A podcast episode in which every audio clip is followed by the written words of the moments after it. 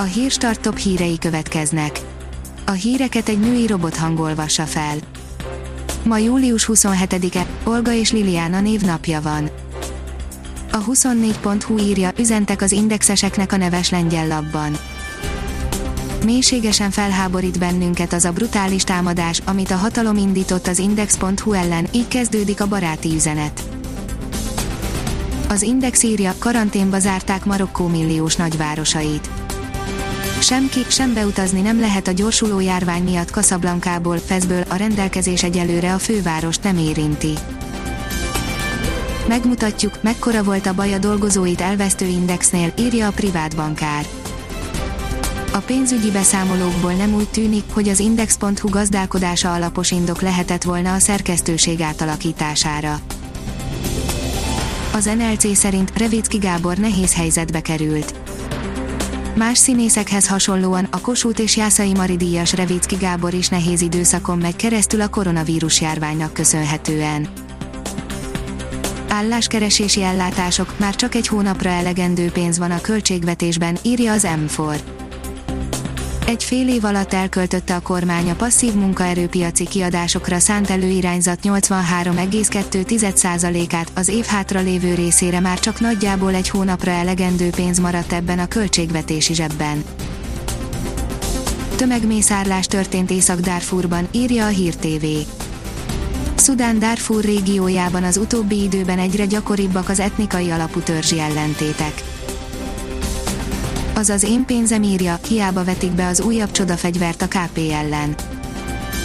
Tavaly a szuperállampapírtól várták, jövőre pedig az elektronikus fizetés elfogadásának kötelező vétételétől várják a magyarországi KP látványos csökkenését, nehéz persze komolynak venni a szándékot, amikor maga a kormány tesz keresztbe.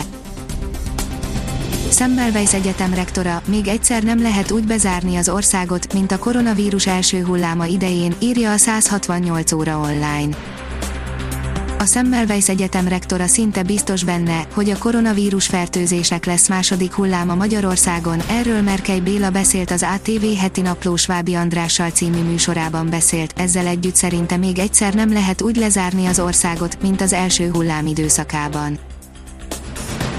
Az ATV írja, utána jártunk, hogy sokan miért nem hisznek a koronavírus járvány létezésében a zöld, vagyis a biztonságosnak számító országok esetében is elővigyázatosságot ajánlanak a szakemberek. Híradónk elment megnézni milyen a határátkelés egy piros és egy zöld besorolású ország határon. Július 12-e óta csoportosítják az országokat az alapján, hol milyen mértékű az új koronavírussal fertőzöttek aránya. A Promoszön szírja, sorozatban 9 egyszer lett olasz bajnok a Juventus videó. 36-szor nyerte meg a Juventus az olasz labdarúgó bajnokságot. A kiderül oldalon olvasható, hogy jó hír érkezett a nyaralásra készülőknek. Az időjárás úgy tűnik egyes lesz a héten nyaralni indulók számára, ugyanis a július végén szokásos melegre és csupán helyenként kialakuló frissítő záporokra, zivatarokra kell számítani. Ha még több hírt szeretne hallani, kérjük, hogy látogassa meg a podcast.hírstart.hu oldalunkat, vagy keressen minket a Spotify csatornánkon. Az elhangzott hírek teljes terjedelemben elérhetőek weboldalunkon is. A hangfelolvasás nem jöhetett volna létre a Google Cloud és a Centrál Média csoport hírstart fejlesztései nélkül. A hírstart kísérleti adását hallotta, a technológiánkat folyamatosan fejlesztjük. Ha tetszett a hírblokkunk, kérjük, hogy ossza meg ismerőseivel, vagy értékelje közösségi csatornáinkon. Visszajelzése fontos számunkra. Köszönjük, hogy minket hallgatott!